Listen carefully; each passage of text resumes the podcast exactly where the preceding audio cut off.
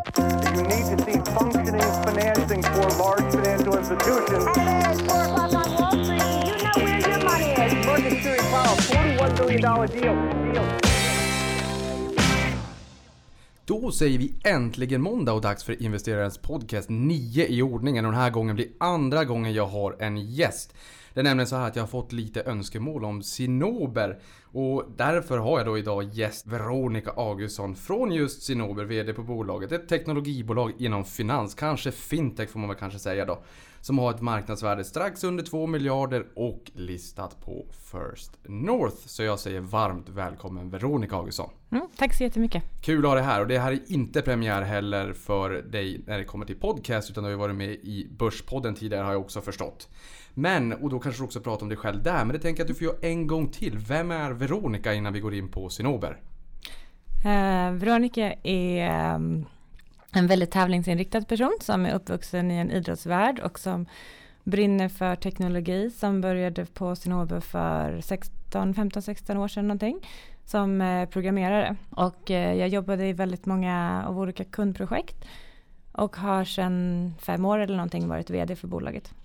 Det där med att vara programmerare, den bakgrunden måste ju vara fantastisk i och med det jobbet du har. För det kan jag ju tänka mig är väldigt mycket utvecklingsarbete just med inom Sinober. Eh, hur, Mm. har, hur eh, tar du hand om, drar nytta av den erfarenheten i ditt VD-jobb? Eh, Det hoppas att jag gör, att jag har en förståelse för vad som motiverar och triggar mina kollegor som, som jobbar med att utveckla våra produkter och tjänster. Jag, jag, tror att, jag tror väldigt mycket på människan och vi är ju vi är ett produktbolag och vi är ett tjänstebolag men vi är ju framförallt ett människobolag och det är människorna som ska leverera och då ha en förståelse för hur jag kan göra deras vardag bättre, roligare, mer inspirerande, hur man kan påverka och hur man faktiskt kan eh, få ut kreativiteten ur människan. Eh, det tror jag är en av mina styrkor från att ha på grund av den bakgrunden. Och när du säger sport också, vad, Mm. vad är det för bakgrund inom sport du har?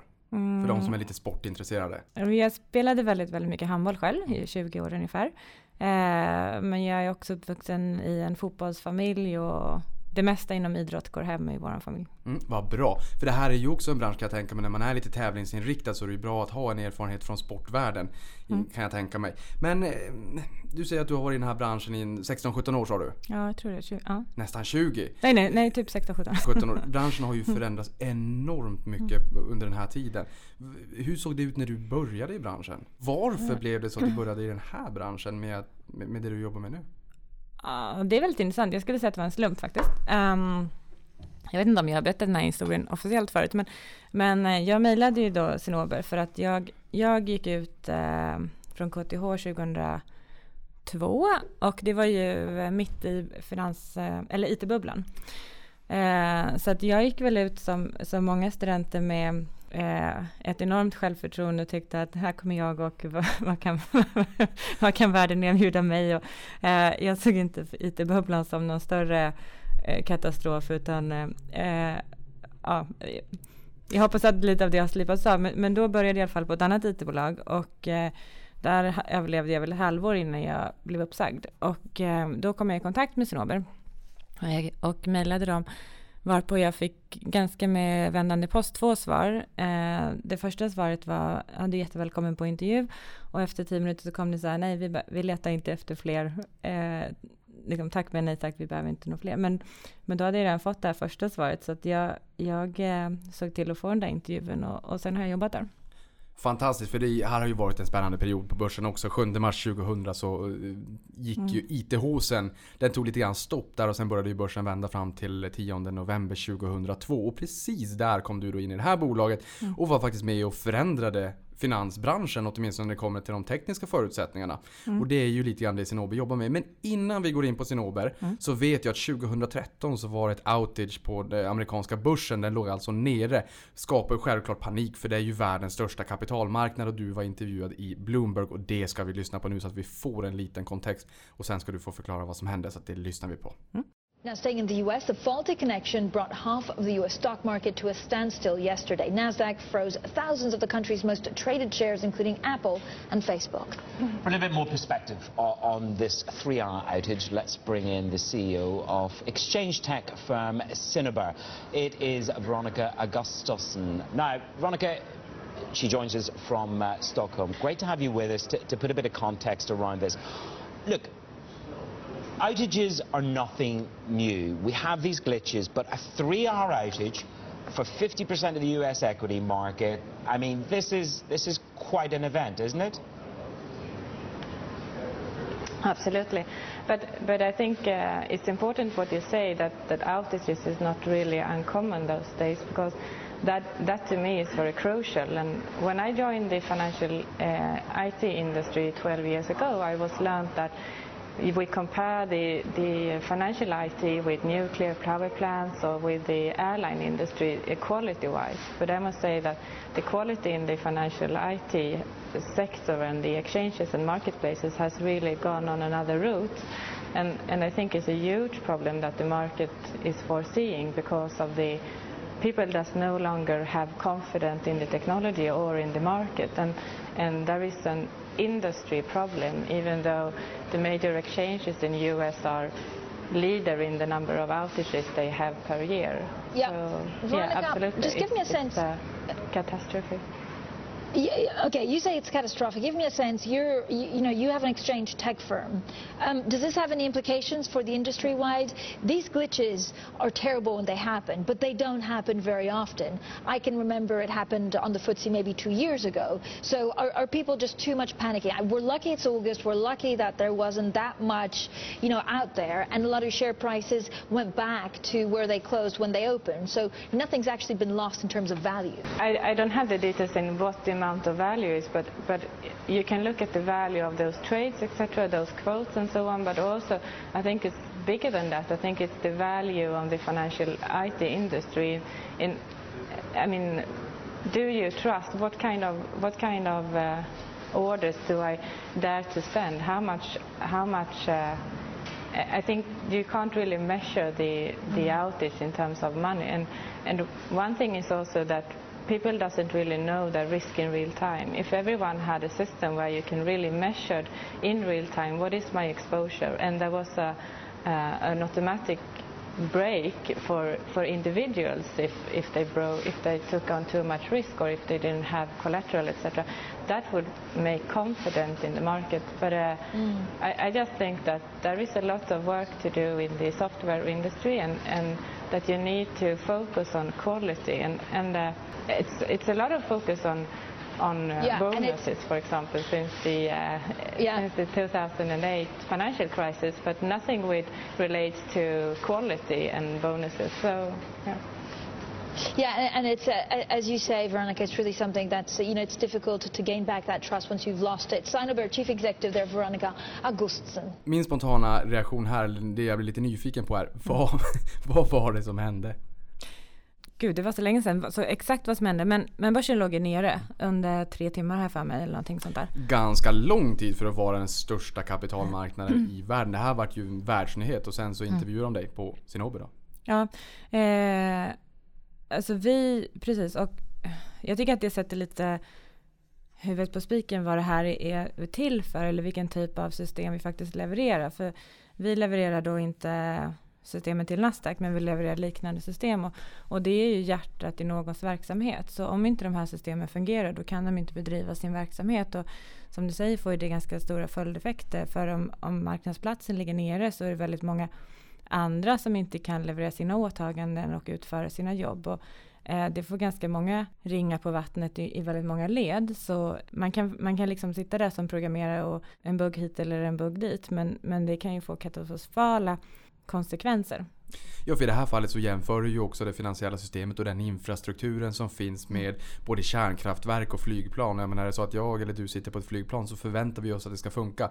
Ett litet power outage är ingenting vi tycker är roligt. Utan det ska funka. Och det är egentligen lite grann samma sak i finansbranschen också. Du var ju ändå lite kritisk här i intervjun och tyckte att eh, man kanske inte riktigt tar de här buggarna på allvar. Det, det ska inte vara någon downtime. Nej, absolut. Nej, jag håller med. Och det, så tycker jag fortfarande. Och jag tycker att generellt så finns det ett, eh, ett problem inom branschen att, att eh, alldeles för få har kompetens inom IT. Eh, alldeles för få beslutsfattare har, har bra väl kompetens inom IT. Eh, och då är det väldigt svårt att oavsett ämne, men när man inte har tillräckligt med kompetens är det svårt att fatta eh, informativa och korrekt eller de bästa besluten. Så jag skulle säga, eh, för mig är det är väldigt lätt jag kan bevisa eller, eller driva ett case av att det finns ett business case i att investera i kvalitet. Eh, och, och de flesta är intresserade av ett bra business case. Men, men om man fattar kortsiktiga silosorienterade beslut där nästa kvartal är det allra, allra viktigaste, då kanske man inte alltid går på de långsiktiga lösningarna där man eh, och någonstans är det med mjukvara till börser som allting annat, man får det man betalar för. Exakt, och någonting som du säger där också. Kvalitet kostar ju lite grann och där blir jag ju Mm. nyfiken på hur det ser ut lönsamhets och marginalmässigt och det kommer vi nog komma in på. Men nu är vi såklart nyfikna nu när vi har målat upp det här. Börsen får absolut inte ligga nere. Vad är, vilka är Cinnober och vad gör ni för någonting? För det här är ju något som jag grottat ner mig i de sista dagarna och nästan fått huvudvärk för att er affär är ganska komplex och det kanske är en vallgrav för eh, som håller konkurrenterna stångna lite grann där ute. Jag är otroligt glad att du är här idag för att förklara för oss lite grann vad Cinnober faktiskt gör för någonting. Ehm, för det var komplext för mig att försöka läsa på. Veronica, vad gör Cinnober? Så Cinnober började sin resa ungefär 20, för 20 år sedan och då eh, var vi med och eh, byggde, eller vi började bygga tradingsystem och vi var med på den här resan när börserna ersatte sina manuella handlargolv med elektroniska tradingsystem. Eh, så det var så våran Våran affär tog fart. Vi började med, en, den, en av våra första kunder var USAs då tredje största optionsbörs, American Stock Exchange, som vi levererade deras tradingsystem till. Och sen fick vi fler och fler tradingkunder och sen runt eh, 2008 eh, efter Lehman-kraschen där så tyckte vi att vi var 100% exponerade mot börser och volymerna gick ner och de flesta hade ersatt de flesta hade redan gjort den här resan att man hade bytt ut sitt manuella handlargolv mot elektroniska system och, och högst upp på deras agenda var inte att byta system igen utan snarare eh, få upp sina volymer. Så, så vi eh, vi fortsatte såklart att utveckla den här, liksom de typerna av system, men, men vi tittade också vad mer kan vi göra och vad mer behöver branschen?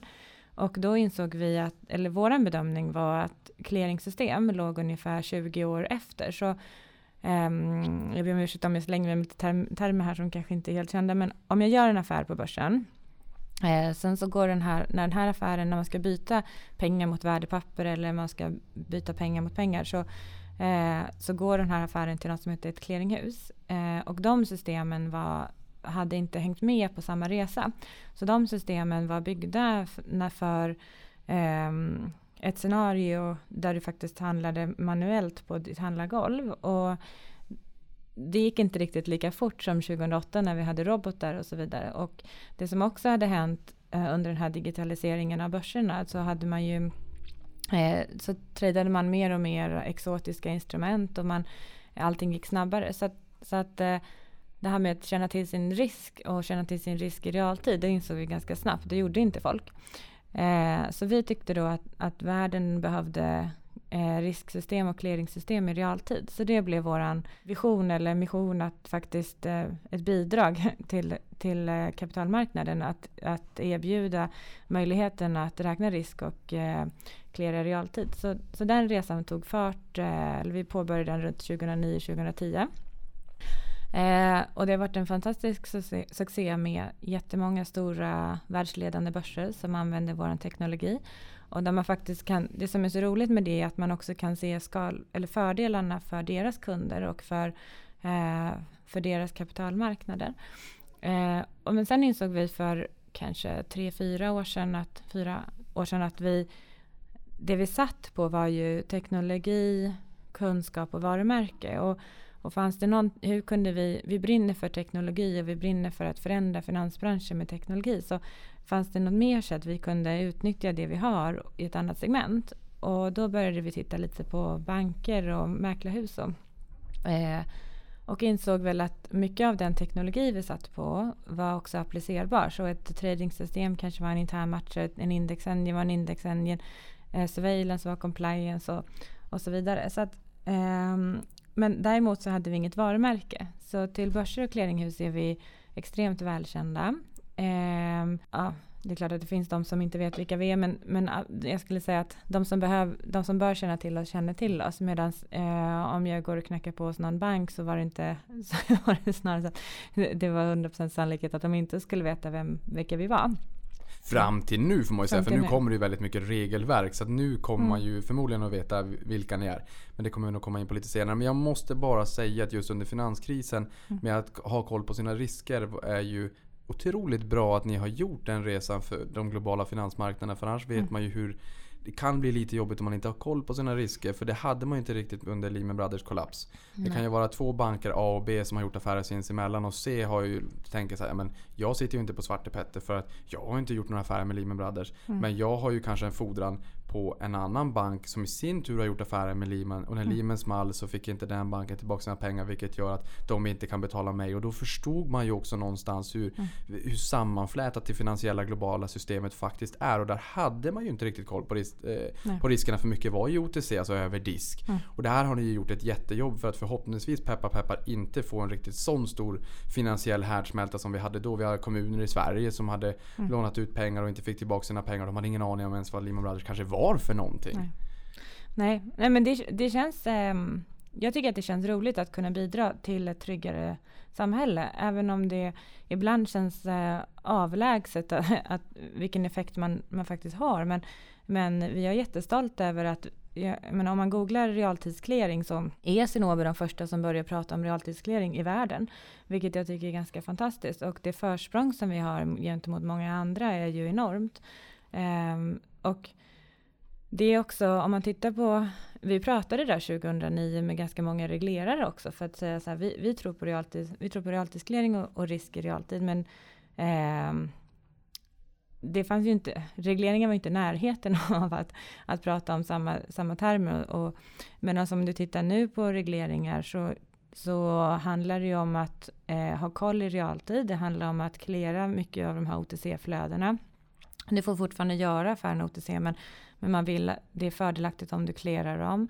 Man måste ha helt andra kapitaltäckningskrav för den typen av affärer. Så att Om det är OTC om alltså. det är OTC, Mm. precis. Så att, eh, att då ha system som faktiskt kan ge dig kontroll, lite som när du flyger ditt flygplan. Du, vill, du sitter i en cockpit och du måste hela tiden ha eh, kolla oljetryck och kolla vatten och kolla, kolla det ena efter det andra.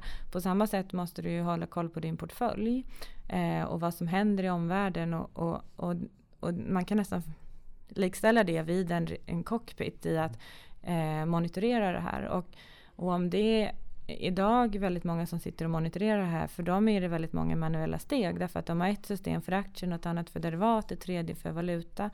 Eh, och som vi alla vet så är ju människan, eh, liksom, man gör misstag och eh, ehm, det tar tid att lägga ihop det här manuellt. Så att, så att allting som går, vi, allting som man kan automatisera är vi för att automatisera.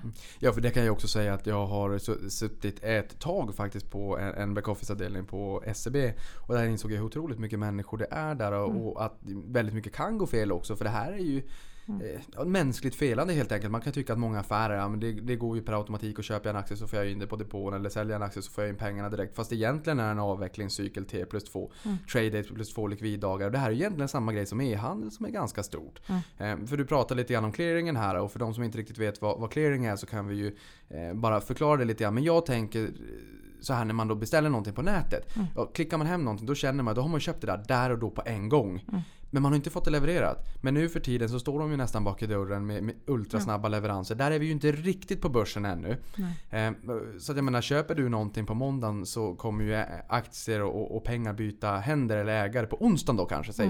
Eh, men, men skulle du förklara clearingen kontra realtidsclearing. Hur, hur förklarar du det för någon som inte riktigt vet vad det är för någonting? Ehm, det har ju sin historik i varför, varför man inte gör det i realtid. För, för att jag tror att skulle man eh, uppfinna, om man säger i finansbranschen idag, då skulle man ju inte säga så här, okej okay, du köper någonting idag men eh, vi skickar det elektroniskt på onsdag. Utan, eller, utan, utan då skulle du ju få det.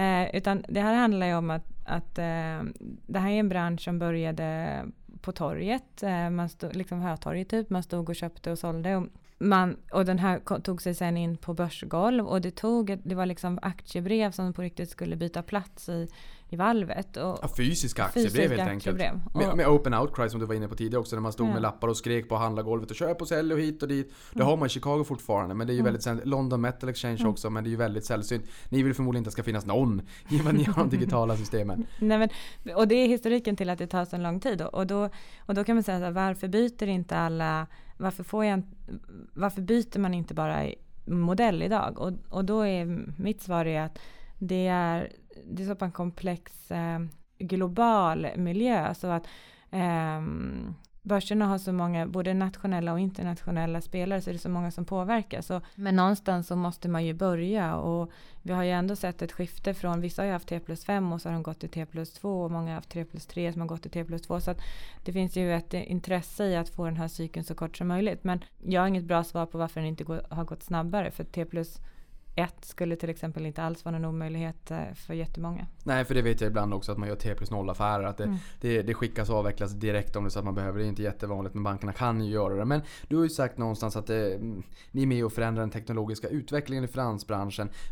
Och att det händer väldigt mycket just nu. Kortfattat, hur, hur förändras den teknologiska utvecklingen i finansbranschen just nu 2018? Och vad är er roll i den eh, förändringen och utvecklingen framåt? Ehm, teknik och teknologi generellt tycker jag förändrar hela planeten egentligen. Och det är den som, man ser väldigt stora svängningar i oavsett om vi pratar medtech eller fintech eller eh, 3D-printning eller retail eller ja.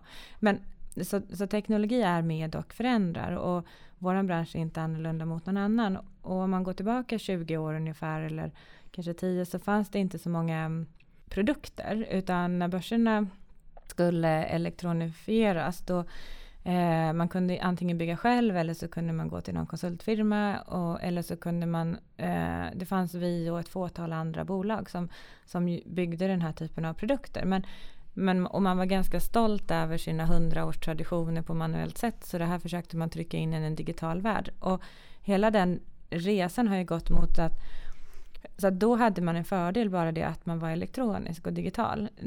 nu är det en själv, liksom, det är ett måste. Och nu är inte teknologi på samma sätt om du, det är inte med teknologi du differentierar dig på samma sätt enligt mig. Så om man jämför, ibland jämför jag med flygplatser. Så om du och jag flyger från Stockholm till London och sen så tar vi olika flygplan. Men, men vi åker till samma flygplats, eh, vi checkar in på samma Eh, vi använder samma check-in system, samma gater, samma taxfree, samma säkerhetskontroll, ibland kanske till och med samma typ av plan. Men ändå kommer vi dit med en annan erfarenhet. Och Eh, det är ju hur du blir mött. I serv- liksom, hur är servicen mot sina kunder? Hur servar man sina kunder? Och vi vill bygga, vi vill bygga den här eh, flygplatsen. Vi tror att vi kan tillhandahålla det. Alla behöver inte bygga sin egen taxfree, för det är inte det som gör dig bättre än någon annan. Alla behöver inte bygga sina egna flygplan, för det är inte det som gör bättre än andra. Men om vi kan tillhandahålla en infrastruktur där de faktiskt kan differentiera sig och ha, eh, fokusera på sin kundleverans då kan de verkligen eh, differentiera sig mot sina konkurrenter.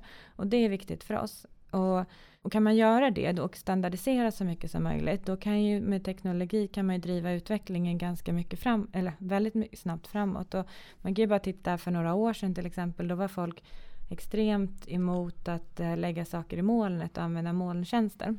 Idag är det nästan som att de säger så här, vadå är ni inte i molnet? Nej men då vill vi inte ha det. Molntjänsterna exploderar just nu. Ja, och, och jag tycker att det är en intressant eh, psykologisk eh, resa som folk har gjort. Från att vara misstänksamma och eh, känna att man inte har kontroll till att faktiskt inse att det är bättre att Amazon har vad vet jag, 400 anställda hackers som försöker hacka deras system än att vi ska försöka hitta den bästa IT-personen som kan allt om säkerhet. För, för det, ja, och den poletten verkar ha ramlat ner hos väldigt många. Ja, och det här är ju rätt intressant också för att ni är ju som jag har förstått i er redovisning ni pratar om också snarare need to have and nice to have. Och kanske blir en kostnadspost snarare än en intäktspost och då ska den bara finnas där. Och jag menar många bolag det man pratar om på 70-talet då var det mycket konglomeratens tid och nu är det mycket mer renodling man ska fokusera på, på affären och på det man gör allra bäst. Och då kanske man kan också då köpa in era system eller, eller era flygplats så, som, som du pratar om här.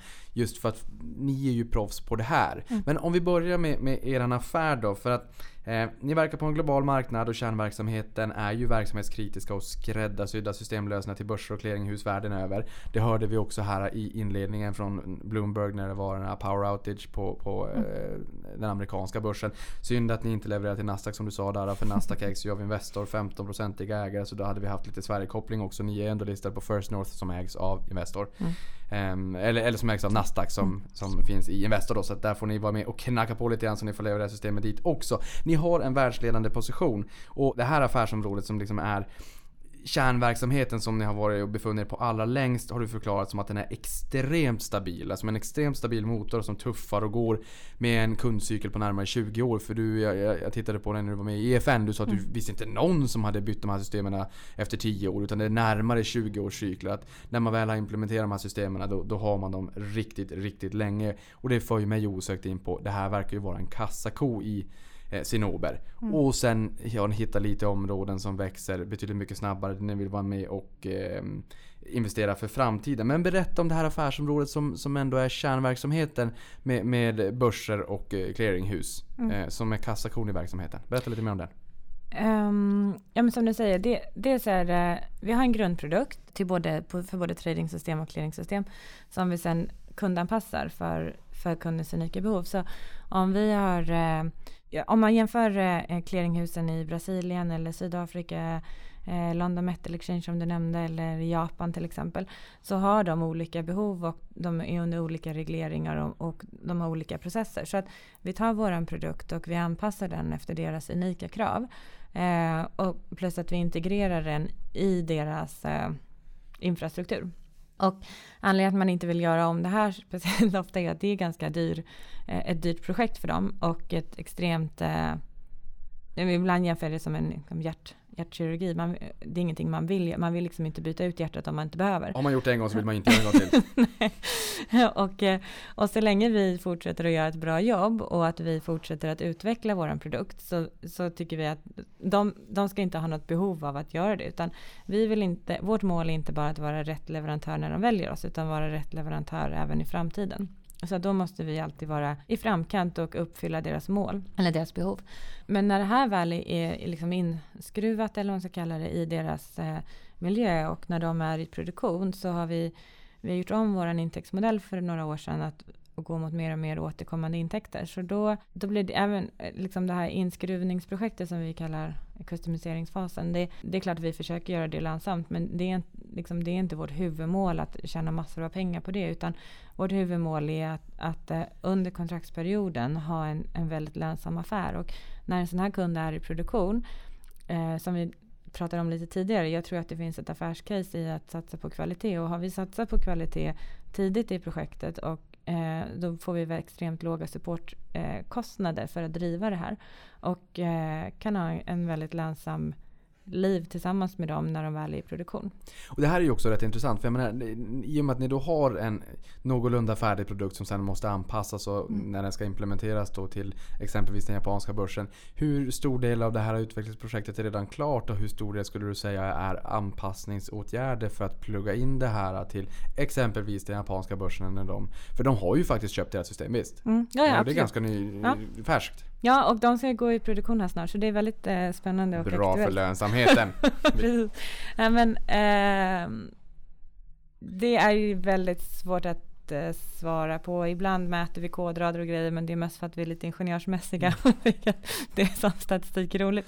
Eh, men, men det finns ju liksom kodrader i plattformen som knappt har ändrat sig på, på 20 år. Så att, och vilket det är, folk kan tycka är gammalt. Och, men det är ju Eh, för oss är det en trygghet och en stabil grund att stå på. Så att, eh, om man jämför vårt clearingssystem nu som har vi började bygga, det börjar väl bli ungefär sju år sedan kanske, drygt. Det är klart att för varje kund lägger vi till mer och mer och mer basfunktionalitet, fler och fler riskmodeller. Så att för varje ny kund vi får in så har vi en större bas att stå på. Men alltså det är ju nya funktioner då som passar alla. Så det är inte bara liksom eh, det som är... Både och. Både och.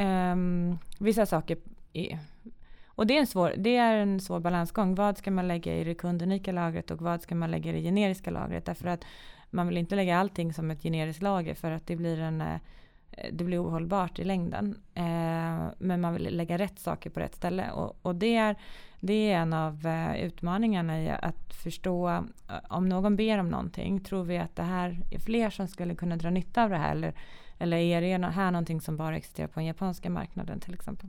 Ja, men jag gillar det där tänket också att göra det kvalitet från första början så att man får ner mm. supporterkostnaderna också. Det där är ju en, eh, en kostnad som man faktiskt kan skära lite grann för att få upp lönsamheten. För ni har ju en stor del repetitiva intäkter när det här är implementerat. Mm. Så att eh, här Mm. Hur kan ni göra för att liksom få ner de här kostnaderna? För ni har ju betydligt mycket bättre lönsamhet när kunden är i produktion. Alltså när mm. systemen är inpluggade och klara och i drift. Mm. Då har ni ju en, en hel del repetitiva intäkter, alltså mm. återkommande mm. intäkter.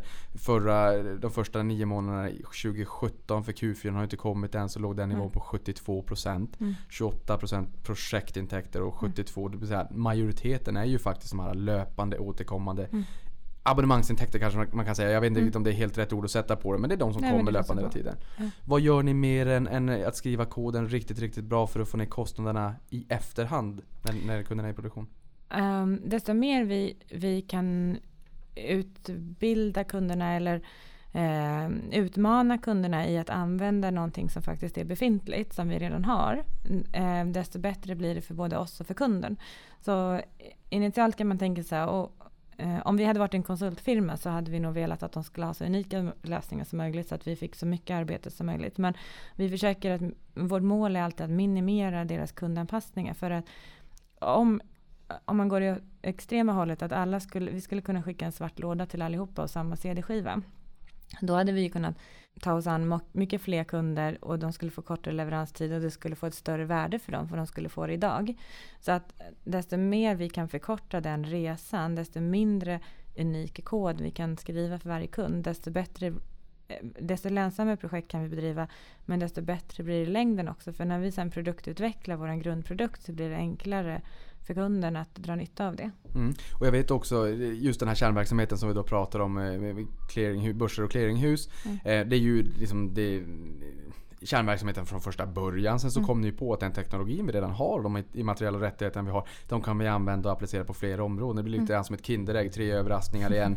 Eh, det är inte sponsrat för Ferrero och inte börsnoterat tyvärr så man kan inte köpa Kinderägg heller. Men det är lite, lite intressant det här för du sa även där i EFN att den där marknaden är 30 gånger större mm. eh, än vad den traditionella verksamheten är. Men där blir jag lite nyfiken på hur ser marknadspenetrationen ut? Alltså hur, hur många kunder finns det potentiellt där ute för den här traditionella verksamheten och hur stor kaka har ni av marknaden? Går det att säga det? Svårigheten är inte att räkna antal börser. Svårigheten är att, att förstå vilka börser som har en betalningsförmåga att faktiskt investera i den här typen av system. Vår bedömning är, ja men det finns, eh, om, vi, om vi kombinerar börser och clearinghus så finns det alla gånger hundra potentiella kunder som vi skulle kunna liksom, vår, vår, utmaning ligger inte i att vi behöver utöka segmentet utan segmentet är tillräckligt stort för oss med, och med det fåtal konkurrenter som vi, som, vi, som vi har. Men om vi tittar på banksidan så är ju det en större, det finns ju bra många fler banker till exempel och eh, buy side sell side än vad det finns börser och clearinghus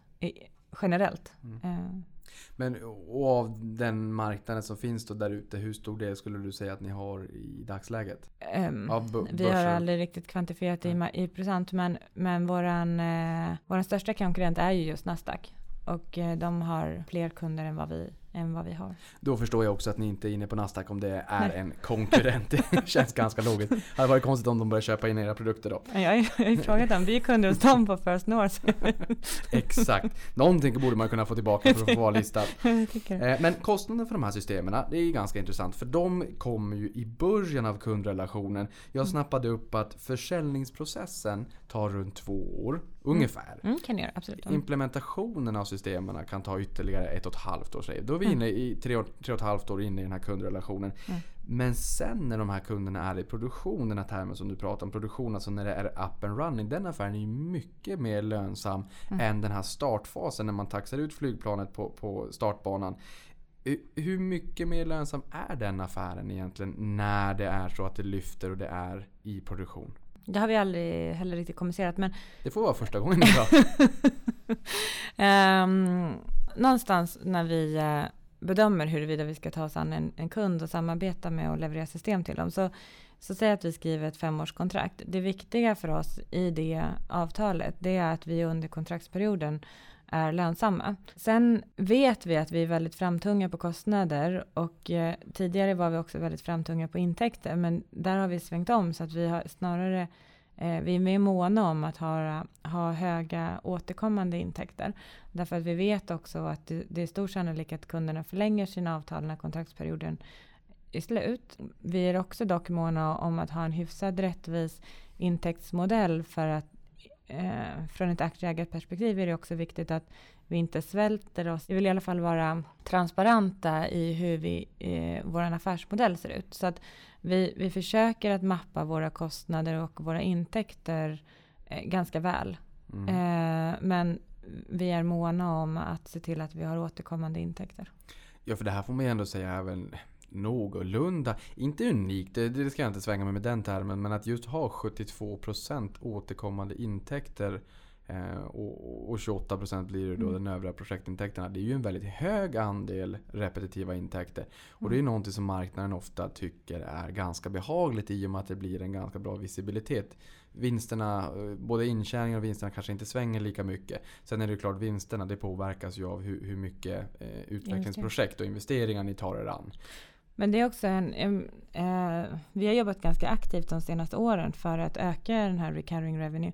Därför att det ger oss också en stabilitet i när vi går in i varje nytt finansiellt år så vet vi, jag menar, säg att siffran nu är 72 procent, då vet vi att 72 procent av intäkterna är, är täckta. Eh, och sen har vi sannolikt några pågående projekt och, och liksom, så att det ger också oss en trygghet i att våga göra de här andra investeringarna som vi nu har gjort under 2017 och kommer göra framöver.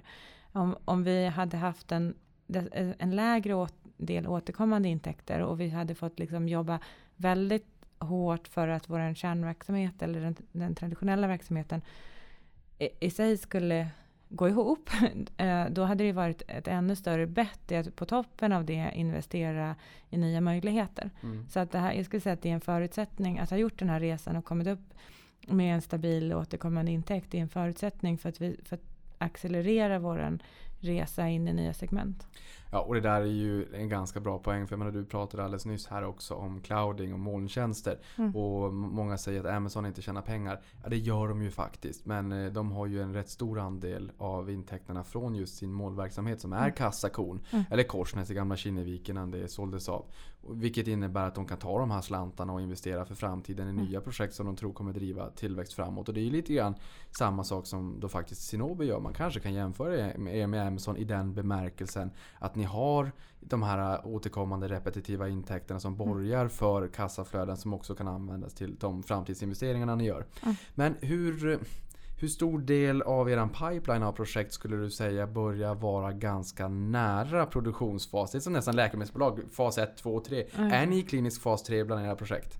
Ja, nu, kan, nu är jag ingen expert på klinisk fas 3 här, men, men, men däremot så har vi ju ehm, eh, två projekt som närmar sig, som vi, som är sannolika gå i produktion i Q1 i alla fall. Eh, dels är, är det Japan och sen så är det den här asiatiska kunden som fortfarande inte vill bli namngiven eh, förrän de lanserar det här. Och eh, jag har inget exakt datum för dem, men, men eh, men, men vad händer med, med försäljningen då?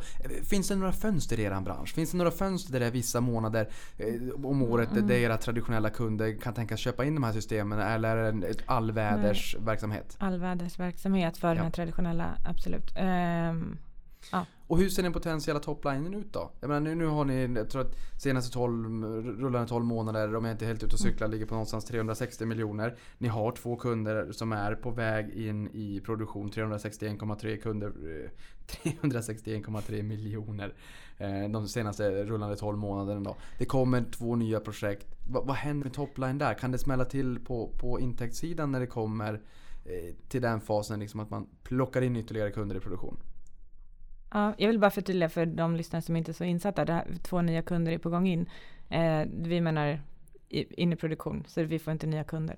Eh, nej, Alltså att man då lämnar den här projektfasen på 28% och in i den här fasen Precis. där det blir lite mer repetitiva intäkter. Ja, ja. Ehm, nu kommer vi till teknikaliteter, men, men vi kan sällan styra över när våra kunder går i produktion. Så att vi har egentligen ingen finansiell milstolpe vid själva produktionsstarten, utan den ligger eh, något innan när, när kunderna ger oss acceptans. När de säger att okej, ni har levererat det vi har beställt.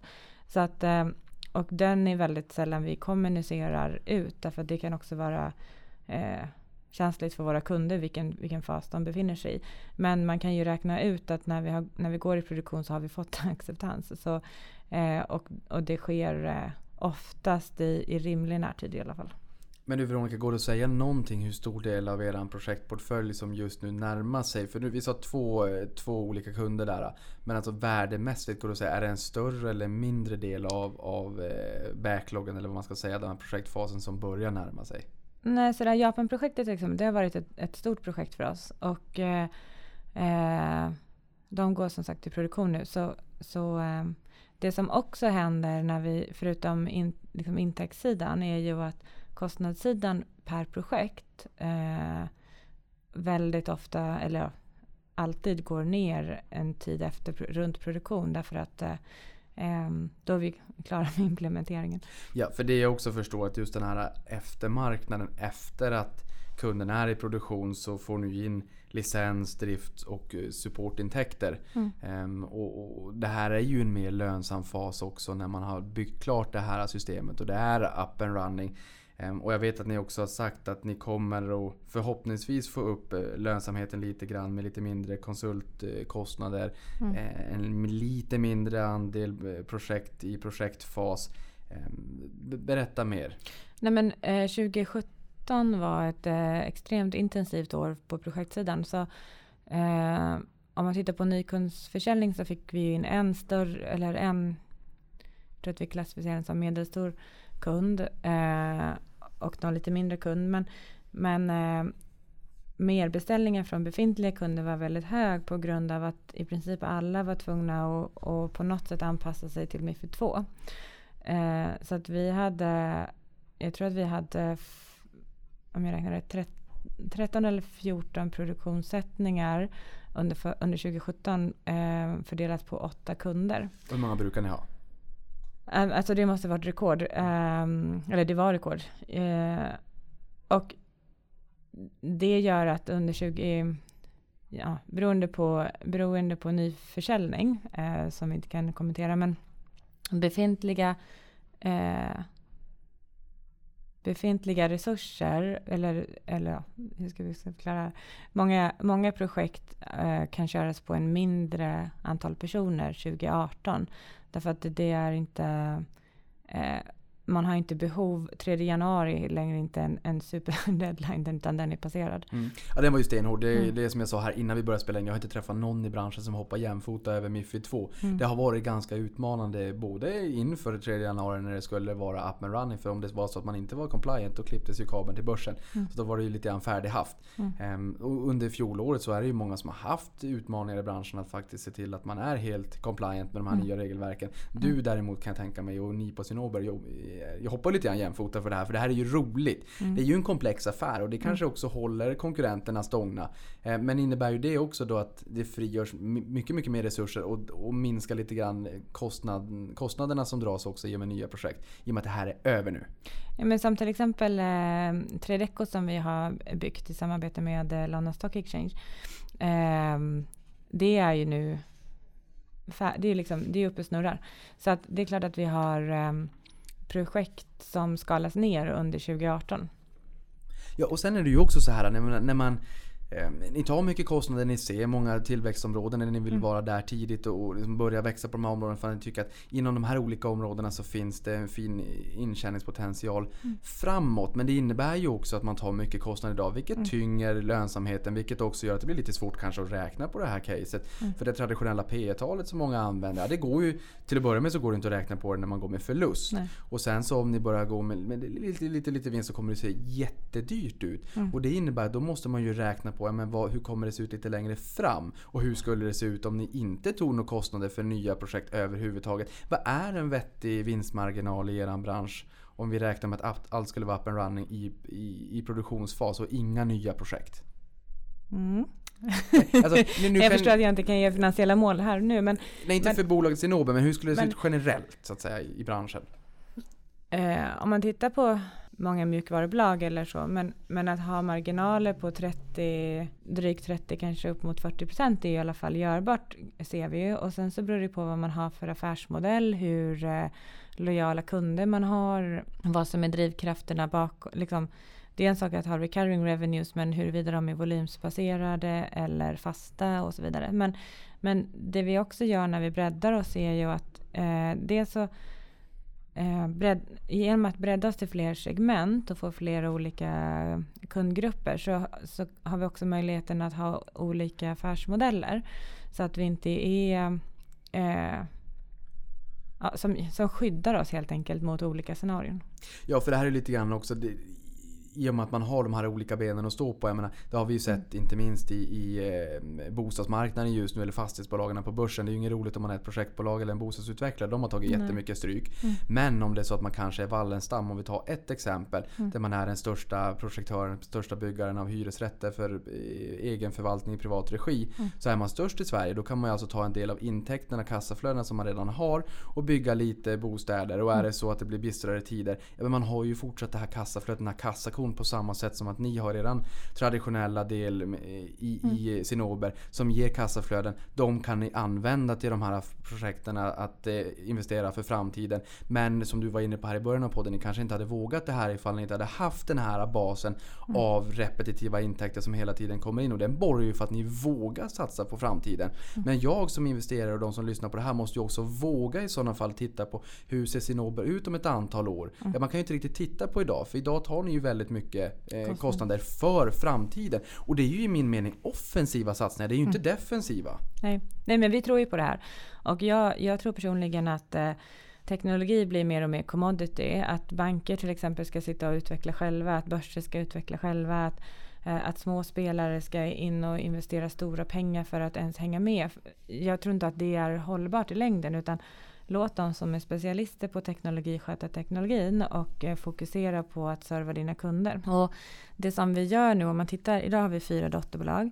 Eh, så det har hänt ganska mycket, eller väldigt mycket med Sonober de senaste 12 till 18 månaderna. I hur vi positionerar oss. Och jag skulle vilja beskriva de här som att de är i fyra olika faser. Där vi har det som vi kallar för Minium, som är eh, våran, eh, där vi har tagit vår clearingteknologi och erbjudit till, till banker för deras eh, backoffice och riskhantering. Det skulle jag säga är någon startup-fas. Eh, Sen så har vi, köpte vi förra året ett marknadsövervakningsbolag, som, eller företag som heter Ancoa. De är i ett, eh, de har kunder men de är idag i- i en olönsam fas. Och sen så har vi då Simplicium som bland annat har Trideco i sin portfölj. Som 2018 är vårt absoluta mål att de de har kunder och att de är i en lönsam fas. Och sen den fjärde fasen är vår traditionella affär med börs och clearinghus. Och så som vi hur ska man säga, driver de här bolagen framåt det är ju att, att få alla till den här mogna lönsamhetsfasen. Och, och desto, mer vi kan, desto fortare vi kan accelerera de här bolagen att, att komma längre upp i kurvan desto större möjligheter finns det ju för oss att titta på vad mer finns det där ute som vi kan använda vår teknologi till. Finns det andra möjligheter? Men, men för närvarande så är det de här fyra som vi har i vår portfölj eller vad ska jag säga, i vår familj och eh, eh, växa de affärerna. För där kan man säga just dels kassakon som ni har sedan tidigare då, och sen så de här nya eh, satsningarna. Vilken av de här nya satsningarna skulle du tro, det här blir ju bara spekulation. Vilken skulle du tro kommer att nå den här kassakosfasen först? Eh, men, men Simplicium ligger ju, med 3DK i fasen ligger absolut närmast eh, i tiden. Och, och det har vi varit väldigt tydliga med att kommunicera. Att, 2017 var ju ett stort investeringsår för att vara redo för Mifid 2. Eh, men nu är vi i, produktion och Mifid är live eller vad man ska kalla det. Och, eh, Väldigt live. väldigt live. Ehm, ja, och, och vi har kunder som rapporterar in sina affärer. Ja, kul att höra. För Mm. att som sagt, eh, som jag sa tidigare, det är nog bara ni som hoppar jämfota kring det. Och det är Mm. ju många regelverk. Det är Dodd-Frank, det är Mifid 2, det är MIR, det är Mifid, det är Basel 3. Många Mm. namn, det ena svårare än det andra. Regelverken är någonting som ni tycker också. Det, det är ju en strukturell tillväxt om man nu kan sätta stämpeln strukturell tillväxt. Men det är mycket regelverk som kommer. Mm. Och det här är ju något som också driver affärer för er helt enkelt. Ehm, Men sen är jag också nyfiken på att se vad som händer när man sitter om sex månader. Vad, liksom vad, vad skedde egentligen i branschen? För som till exempel, jag menar, eh, Trideco, den tjänst vi har, den, den går ut på att rapportera OTC-affärer. Så samma grej kom under MIF 1 men bara för aktier. Så det går ut på då att om, om, om du och jag vill göra en affär utanför börsen så, så ringer jag eller jag ringer upp min mäklare och mäklaren ringer några av sina kompisar och det bildas en, en prisbild. Och då så sa ju regleringen att vi är för transparens och man kan inte ha den här tri- prisbilden måste ut till resten av, av aktiemarknaden. Så då var man tvungen att rapportera in sina aktie-OTC-affärer. Um, ehm, och det, det som man sen gjorde med MIFID 2 var att man sa att det fungerade väldigt bra så nu expanderar vi det till fler tillgångslag. Men det ska också bli intressant att se vad det får effekt. Eh, för nu blir ju helt plötsligt, nu kanske man kan lära, hur stor är fixed income-marknaden? Eh, hur stor är egentligen råvarumarknaden till exempel? Saker som man inte Mm, ja, i alla fall inte jag har haft någon kännedom om tidigare och jag tror ingen riktigt har vetat vart det handlas eller hur det handlas eller vilka volymer som, som faktiskt handlas. Så, eh, och vad det sen får för konsekvenser. Det ska bli, eh, jag tycker att det ska bli spännande att se. Ja, och just med Mifid 2 eftersom att det är need to have, inte nice to have. Hur ser priselasticiteten ut? Eh, Är det, och hur många banker och, och finanshus är det som har hunnit lyckas göra det här på egen hand och vara compliant till 3 januari kontra hur många kommenterar och knackar på och sagt Hörni eh, vi behöver hjälp. Min uppfattning är ändå att, må, att folk har varit väldigt eh, hyfsat redo. Därför att eh, de tidningsartiklar, jag menar journalister gillar ju att jag jagar tråkiga nyheter och liksom gräva fram och, och jag Ja. har inte sett alls eh, så mycket rubriker i att någon var inte klar och den här var inte färdig och så vidare. Så att, och min generella uppfattning jag pratar med dem är att man har, man har varit hyfsat redo. Ja. hur, hur skulle du säga att kundtillströmningen har sett ut då? Och, och hur ser lönsamheten ut i Simplicity i jämförelse med koncernen i stort? Nej, men jag, jag var ju, för ett år sedan var jag övertygad om att vi i midsommar 2017, då skulle folk ha gjort sitt val. Man visste vad man skulle rapportera. Det här var liksom ett, ett av de enklare besluten i alla beslut de var tvungna att fatta. Men eh, där hade jag ju total fel. Så att folk var ju väldigt sena med att fatta sina beslut. Och eh, vi hade några ganska stora spelare som skrev på relativt sent i alla fall om Fem i tolv. Ja. ja. Men, men, eh, men vilket var lite överraskande. Sen hade vi väldigt många mindre som kom på slutet. Så att vi, vi fick ju en, en ganska stor kundtillströmning under december till exempel. Men, men det var väldigt många mindre spelare som, som och, och det kan jag ha en större förståelse för. eh, att, de, att de faktiskt var sena. Men, och vilka, bank, vilka kunder är det här? För jag menar, det här regelverket träffar ju väldigt många och mindre fondbolag eh, kliar sina grå och funderar på hur ska vi få ihop den här lådan när det är så mycket regelbörda. Hur, vad är det för typ av kunder? Det här, de kunde vi ha. Det är allt från de, de största investmentbankerna till de eh, minsta handlarfirmorna. Och då undrar jag, hur stort kan det här affärsområdet bli? Mm. det är en bra fråga. Jag, jag, ser det, ehm, jag ser det som att man kan ha två synsätt. Antingen så kan man säga så här, gud vi kämpade verkligen på, eh, vi jagade kund efter kund och vi, nu senast vi rapporterade var 548 kunder som, som är uppkopplade mot plattformen och, och rapporterar. Men och liksom det är ett bra jobbat och vi får se vad det här blir för intäkter.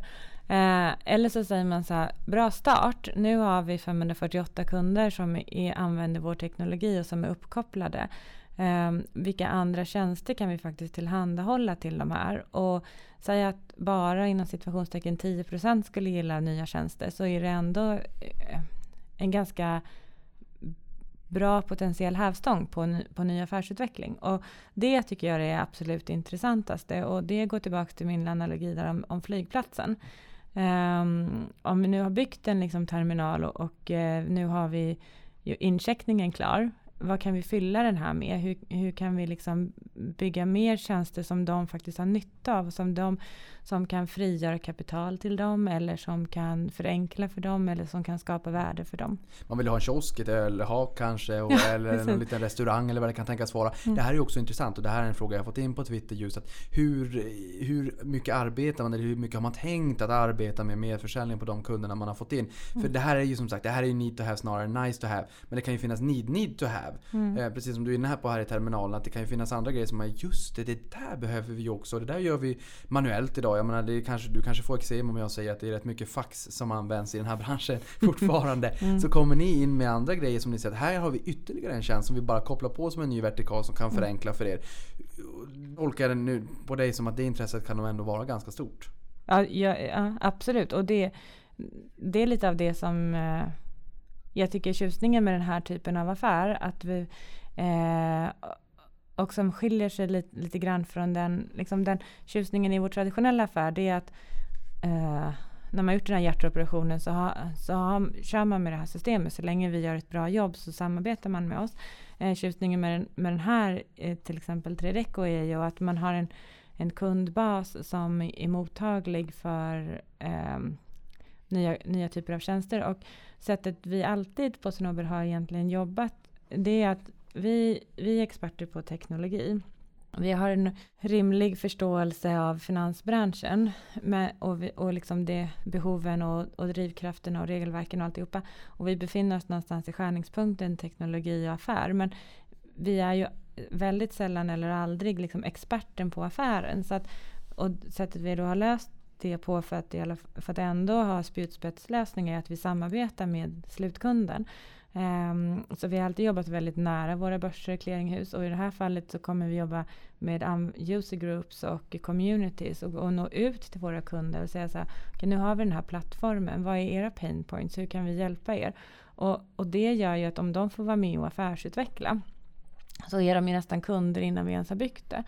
Uh, och, och där har vi kommit en vi har fått en jättestark ställning och ett jättebra samarbetsklimat med många av de här äh, aktörerna. Jag gillar verkligen det för att som vi har varit inne på tidigare också, nu kanske det har lite grann med, med snarare er kärnverksamhet att göra men att det är väldigt långa kunddurationer. Mm. Och är det så att man implementerar ett nytt system och, och, sitter på det här i många, många år då finns det också incitament från kundernas sida att faktiskt vara med och affärsutveckla och säga vi skulle mm. vilja ha det här och det här. Och då vet ni ju innan ni har tagit första spadtaget att det här finns det ju en efterfrågan kring det här. Mm. Vilket är jättebra och sen så tjänar ni extra pengar. Det gillar alla som är aktieägare självklart. Hur ser durationen ut här? Är det samma långa duration på den här typen av system också? Trade Echo? Eh, nej det skulle jag inte säga.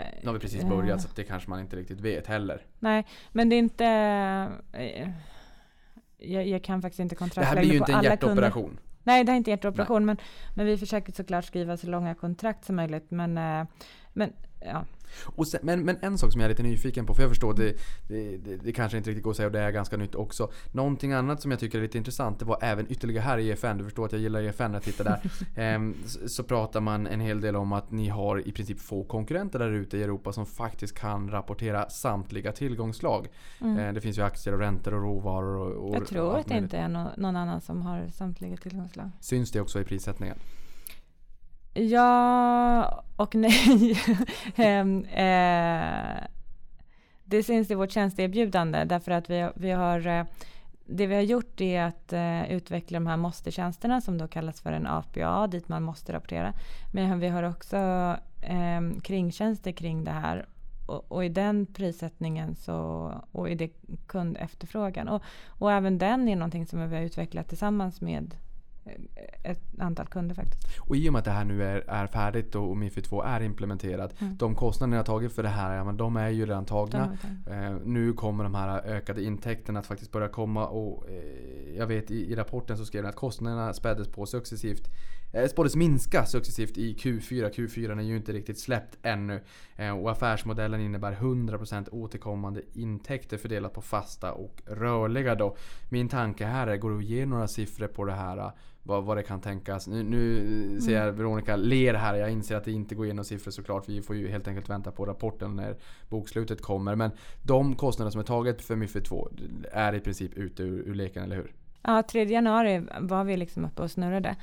Ehm, men jag har, fått, jag har fått jättemycket frågor runt det här och det är, jag kan, jag kan liksom inte kommentera det men, men vi, som, vi som bolag eh, jobbar också på att bli mer transparenta i rapporteringen och guida kanske aktiemarknaden eller ja, aktiemarknaden bättre. Ja, för det för jag tänker här lite grann är ju att om vi säger 361 miljoner rullande 12 månader. Vi säger att ni tjänar en halv miljard istället och sen en vinstmarginal på 30%. Det är 150 miljoner på 2 miljarder börsvärde. Mm. Det är ett P-tal på 13. Mm. Då börjar det rimligtvis se mycket, mycket bättre ut. Och det är ju det vi har varit in på här nyligen. Att det är ganska svårt när man inte riktigt vet hur intäkterna hoppar upp när det kommer in nya kunder i produktion samtidigt som ni mm. tar nya satsningar för framtiden. Och, eh, vi har ju varit in lite grann på det men och, och, du har ju också nämnt ungefär hur marginalerna ser ut i branschen. Kommer det vara så framåt att de här nya projekten som är 28% då, eh, föregående års rullande 9 månader. Mm. Eh, kommer den att, att, kunna minska lite grann eller ser du en accelererande investeringsfas i nya områden framåt som kommer fortsätta att dränera kapital och fortsätta göra det jobbigt för aktieägarna att försöka räkna på ett rimligt värde? Mm, eh Nej, men det vi har kommunicerat är att eh, Minium då, som vi tog in eh, 180 miljoner kronor till för ungefär ganska precis ett år sedan. De, där är vi ju, liksom, det tog vi in därför att vi behöver de pengarna för att ta den produkten till marknaden. Så eh, lite beroende på efterfrågan och beroende på hur, hur snabbt man kan hitta rätt resurser och så vidare så kommer den accelerera snabbare, mer, eller accelerera fortare eller inte. Men, men eh, så den, den kommer att fortsätta att belasta oss. Eh, absolut. För det vet jag också när jag, eh, när jag sagt i, i er redovisning att det är just i utvecklingsbenen som mm. dränerar kapital och som gör att resultatet blir negativt. Ja. Men som vi har varit in på, man kan göra defensiva och offensiva satsningar och i det här fallet så är det ju faktiskt offensiva satsningar som också förväntas generera ytterligare intäkter framåt. Ja, och, och, precis. Och lite som du säger, man kan ju... Eh, det hade varit mer oroväckande om vi, vi, hade gjort det här därför att vi såg att det kom ett helt annat nytt teknikskifte. Vi hade inte någon framtid om vi inte gjorde det här. Vi måste rädda oss ur en situation. Vi gör det snarare tvärtom. Vi, vi tror att vi har liksom vår produktportfölj är helt i linje med regleringar. Vi ligger i framkant i vårt erbjudande. Vi, vi vill ta de här, den här teknologin till nya segment. Och, Eh, och återigen tillbaks till, till kvalitet och att jag tror att det finns ett affärscase att investera i, i kvalitet. Min, eh, nu ber jag om ursäkt till alla banker kollektivt för att jag kommer dra mig över en kam, men, men min, eh, eh min erfarenhet eller eh, min lärdom är att man inte alltid har, man har satsat ännu mindre egentligen på kvalitet på banksidan. Därför att man har haft en kortsiktigare eh, ja, mål, finansiella mål. Eh, och att man har en mer komplex infrastruktur därför att man är en mer global spelare. En, en, en marknadsplats är ju trots allt eh, en ganska central spelare. Med, det kan vara komplext men, men den är inte... Min bedömning är att man, man kan liksom inte tapetsera både vardagsrum och hall och kök med, med deras systemkartor, med, vilket man kan ibland med bankens. Nej, för det där är lite intressant också. Jag tänker, är en del av era konkurrenter billigare outsourcing? Goldman mm. Sachs har mycket personal i Indien, SEB, Swedbank har mycket personal i Baltikum. Jag har sagt tidigare i förra podden att det var runt en tredjedels eh, mm. lönekostnad. Det var någon annan som hörde av sig på SEB och sa Niklas, citera mig inte men det kan vara uppemot en sjättedel. Mm. Eh, samtidigt som det är mycket människor, det är eh, vad ska man säga, eh, kapitalintensivt höll jag på att säga, men människointensivt typen av clearing, settlement och reconciliation och den här typen mm. av områden inom banken. Är det en, en, eh, primär konkurrent för er? Att man inte satsar på kvalitet och kanske köper in system som drar upp kostnaderna lite grann i det korta perspektivet utan att man, man skär ner genom outsourcing istället? Um, det har ju varit under ett, ett par år eller en hel del år har ju, har ju banker haft kostnadsbesparingar och kostnadskrav på sig. Och ett sätt att lösa det här på är, är ju att eh, ta de system man har och lägga dem i låglöneländer. Och så, på så sätt kan man få ner sin kostnad.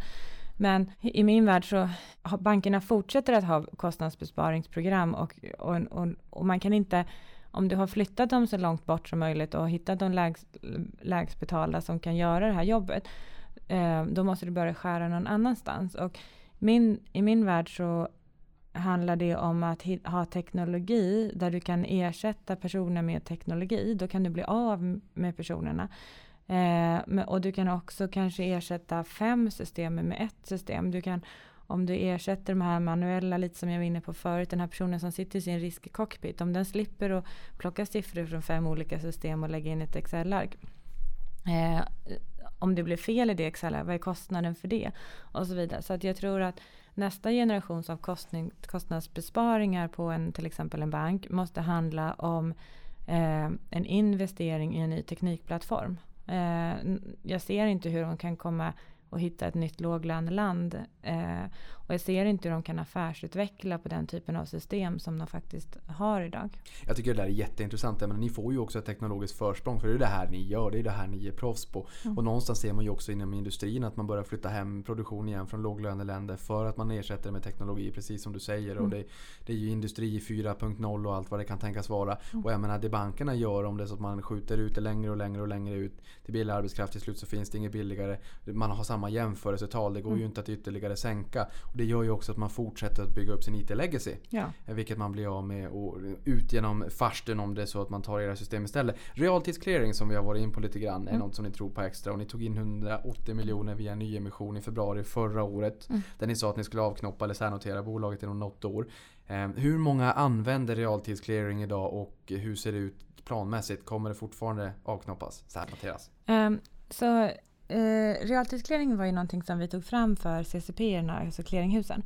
Och där har vi mm, åtta kunder tror jag. Eh, och sen så fattade vi då beslut att vi skulle ta den här teknologin och eh, erbjuda den till bankerna. Och där har vi annonserat under hösten att vi har jobbat med en pilotkund som vi hoppas kunna namnge i närtid. Eh, lite tillbaka igen till det här hur vi faktiskt samar, hur vi, vårt arbetssätt för, för att ta fram de, liksom, de bästa produkterna. Så att den här pilotkunden är väldigt dedikerad, eh, jobbar väldigt nära oss för att vi sitter emellanåt med dem i sitt riskteam för att kolla hur de arbetar, hur de vill, hur, hur vi kan ta det här CCP-systemet och skräddarsy det för, en, eh, för banks and brokers-segmentet. Och så att i dagsläget har vi ingen betalande kund. Den här pilotkunden kommer såklart betala när vi har levererat systemet. Eh, men det här efterfrågan som, och, och feedbacken vi får när vi är ute och pratar med, med bankerna är ju enorm. Just därför att de sitter med den här problematiken. Att till exempel om de inte känner till sina risker i realtid så måste de binda mycket mer kapital eh, på sin balansräkning. De har flera olika system för att eh, monitorera risk. Så de måste ha en, liksom, någon person som för samman det här. Det kostar att drifta flera system och så vidare. Och så vidare. Så att, och det som vi visar upp till dem. Alltså, det låter så osannolikt men det är, det är väldigt få eller ingen annan som har den, den som tänker exakt så som vi tänker med teknologi och som vill erbjuda det som vi erbjuder. Eh, och som har Fördelen för oss är också att vi, har, vi kommer från vi är i Cinnober-familjen. Vi har 20 års erfarenhet av att leverera hjärtatillstånd verksamhet. Vi förstår, vi har processer för kvalitetssäkring. Eh, vi har processer för mjukvaru, liksom mjukvara, det är det vi levererar. Eh, så vi har ett, ett förtroendekapital trots att det här är ett nytt, relativt nytt segment för oss. Och vi fortsätter att jobba med sam, på samma arbetssätt som tidigare. Så att jag skulle säga att jag är än mer optimistisk idag till den möjligheten än, än vad jag var. Och, och då var jag inte jag var väldigt optimistisk för, förra året. Ja men det kan man ju också säga. Jag menar 15 september 2008 så föll Lehman Brothers och det vart ju ett enormt eko. Det var ett, ett riktigt blodbad på de finansiella marknaderna. Och jag menar den här riskhanteringen, realtidsclearing och ha koll på sina risker och mm. samtidigt också eh, ja, ha koll på andras risker lite grann när det handlar så mycket via OTC. Det fanns ju inte på den tiden. Mm. Så att vi skulle liksom sätta in det i den kontexten när man sitter och lyssnar på dig. Att det här kanske känns självklart att det ska finnas utav de stora finanshusen där ute i den globala mm. finansvärlden. Men det, det, här har ju ni liksom varit med och drivit på mm. utvecklingen. Och det är alltså bara 2008, det är alltså 10 år sedan då. Eh, och det är ju inte jättelänge i ett historiskt perspektiv. Eh, så det är ju väldigt mycket som har hänt under den här tiden. Men eh, tiden går jättefort när man har roligt och tiden verkligen springer iväg. Så jag har några punkter kvar som jag tänker ta lite snabbare. Och någonting som vi gillar är pilotskolan. Du äger själv 0,63% av bolaget. Eh, ja, faktiskt. Men du ägde lite mer förut, Veronica. Förklara. Alltså jag är ju en person som... Eh, min drivkraft är inte pengar där, och jag vet knappt vad jag har för lön och eh, jag, jag hade inte hört den här siffran förut. Det var 10% av innehavet. Jag hoppas att du har en sparkvot att du sparar och investerar varje månad för du har ju säkert eh, en rätt stor men jag har ju ett slant. Avanza-konto sen, eh, sen, jag vet inte, med- jättelänge tillbaka. Men i alla fall, tillbaka till det. Det är klart att jag, jag är jättemån om att jag är, eh, att jag har en, en jättestor investering i Snowber för att jag tycker att det är viktigt. Jag vill att det ska gå bra och jag tror att det kommer gå jättebra. Eh, sen är jag en vanlig privatperson och eh, hade ett finansieringsbehov för ett husprojekt som jag håller på med. Men, eh, ja. Men jag är också, den här siffran, jag är också väldigt eh, lång i optioner så att mina aktieinnehav är en del av det. Eller Ja. liksom- Och kul med hus också. Eh, där, får man, men där får man någonstans säga att jag menar, den ultimata valutan här i livet är tid, inte pengar. Mm. Eh, och tid är ju någonting som du också har lagt ner på det här bolaget. Det har varit kvar, eh, eller varit kvar, det är det ju fortfarande, men du har ju varit inne i det här bolaget under väldigt, väldigt lång tid. Vi sa 2002 där. Mm. Eh, det är ju nästan viktigare än kapitalet, även fast kapitalet också är viktigt. Det har Mm. varit väldigt mycket försäljningar i det här bolaget på kort tid. Och det, allting du säger här låter väldigt bra med de här repetitiva intäkterna, med framtidssatsningarna, Mm. med vinstmarginaler man kan tänkas ha av närmare 30%. Eh, vilket gör att värderingen på det här bolaget inte alls är speciellt högt om man skulle justera för alla framtidssatsningar och bara liksom låta pengarna rulla in. Men det är ju inte riktigt så man driver en business i, i, i en eh, bransch med strukturell tillväxt som växer utan då får man ju faktiskt ta, ta tillvara på tillväxtmöjligheterna. Men du har berättat lite grann att det, har, det finns vissa skäl till varför det har varit eh, mer eller mindre försäljningar i närtid i Sinobe. Berätta. Ja, eller generellt kan jag, jag kan bara kommentera egentligen min egen men, men eh, försäljning. Men Där får vi också eh, någonstans kommentera. Du, du, det är ju egentligen inte din uppgift att kommentera hur ägarna i ett bolag där du är verkställande direktör, hur de agerar och vad de köper och säljer. Men det fanns ändå ett, ett litet skäl som lite grann skänker ett nytt perspektiv på försäljningarna. Ja men ehm, det som jag nämnde här innan podden började, men vi är ju, eh, vi var ett fåmansbolag ehm, under många år och eh, sen har vi varit i någon form av karantän från små fåmansbolag. Och eh, beroende då på hur, liksom, hur mycket man äger så var det mer, så var det antingen förmånligare att, förmånligare att sälja innan årsskiftet än efter.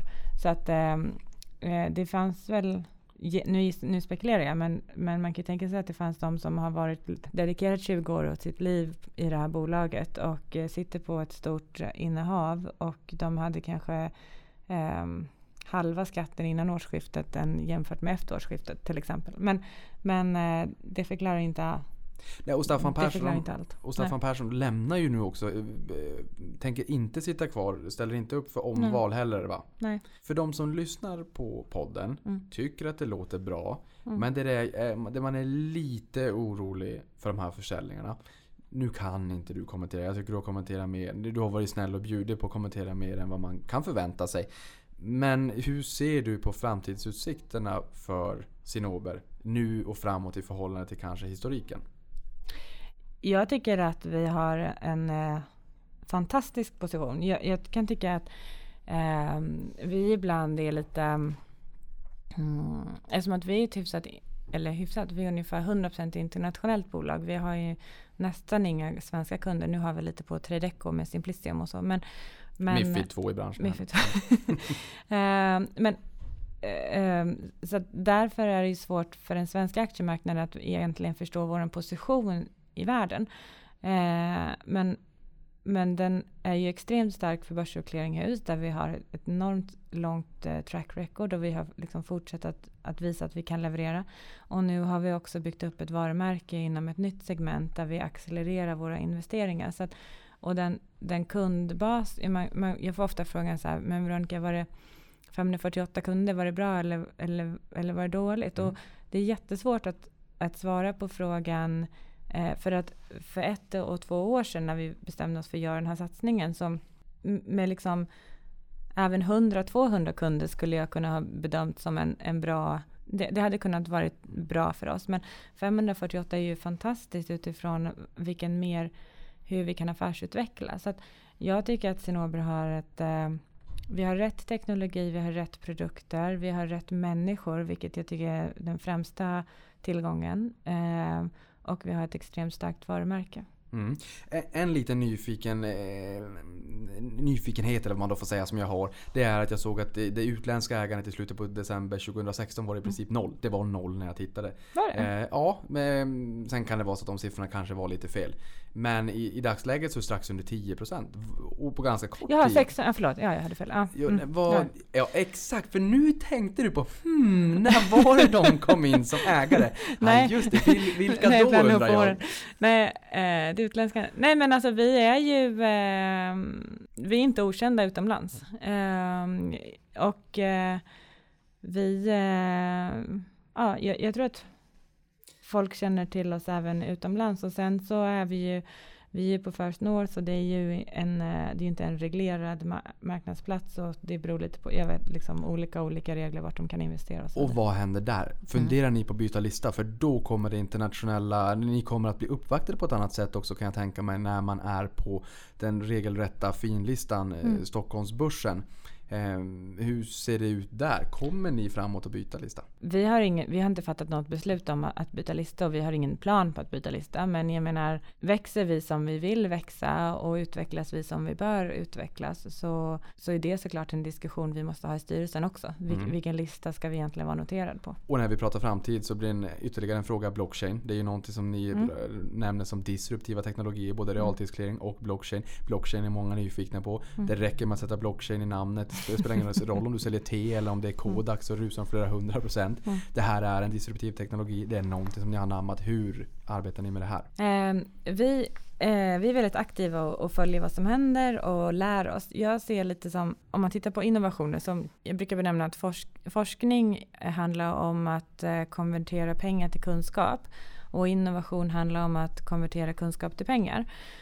Um, och just för den här nya typen av teknologier, även machine learning till exempel, uh, är vi i, jag skulle kalla det själv att vi är i forskningsstadiet. Och sen har vi börjat ha uh, eh, vi var det väldigt länge även vad gäller molntjänster men där har vi nu börjat faktiskt bygga och komma med innovativa lösningar som, som eh, eh, kommer driftas i molnet eh, och som kommer utnyttja dess fulla elasticitet. Men på just blockkedjan så ja, vi gör en hel del proof of concept, vi gör en hel del eh, exjobb, vi lägger väldigt mycket tid på att okej, vilka use skulle kunna vara applicerbara men för oss handlar det snarare om att eh, vänta in marknaden. Vi kommer aldrig bygga en egen blockkedja. Det har vi varit väldigt tydliga med från början. Men den dagen som branschen kan komma överens om en standard och säga så här, okej nu kör vi. Då måste vi ha en förståelse för hur påverkar det våra system och vilken typ av tjänster eh, ska vi då erbjuda istället för att ha det på vår egen tekniska plattform. Eh, vad, kan, vad kan utföras direkt på blockkedjan? Och eh, där vi lägger en del tid på att, att eh, lära oss, skulle jag kalla det, och positionera oss. Spännande. Hur stor del har ni eh, exponering mot molnen i dagsläget? Mm, vi har vissa kunder som kör, vi driftar systemen i molnet, men det är mindre kunder. Eh, hittills har de större börserna och eh, clearinghusen valt att, att inte göra det. Men, men det är också intressant om man tittar på en av de större milstolparna i våran bransch för eh, huruvida man, hur man såg på molnet var ju när Findra, den amerikanska övervakningsmyndigheten, valde att lägga sina eh, valde att använda molnet. Då fick folk verkligen upp ögonen för att det faktiskt är görbart. Så det här, eh, både våran eh, marknadsövervakningslösning och våran eh, eh risk och backoffice eh, till banker kommer driftas i molnet. Spännande. Två sista avslutande frågor för jag, kan, jag märker här på klockan att tiden går riktigt, riktigt roligt när man har kul. Ehm, en fråga, eller två hade jag i och för sig, men den första av de två. Hur ser ni på förvärv? Bygger ni allting själv? Ni gjorde ett inkromsförvärv av Ancoa nyligen. Kommer det vara förvärv going forward eller är det så att ni vill köra allting själv från start för att ha stenkoll på koden? Eh, vi, våran strategi är organ, främst organisk tillväxt men vi utesluter inte förvärv om, om det finns. Men vi är inte aktivt ute och letar efter bolag som vi kan förvärva.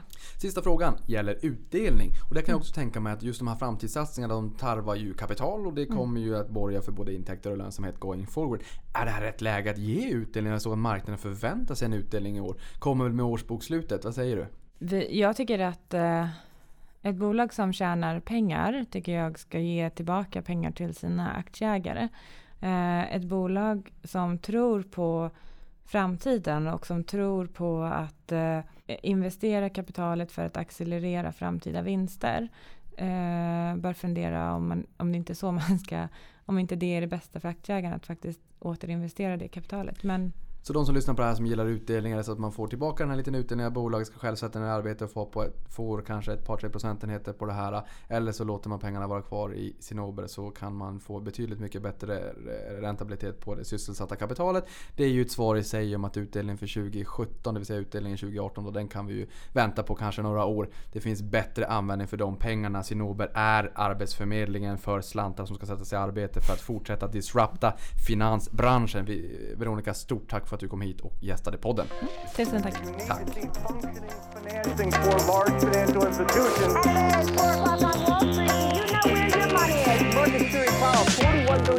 You need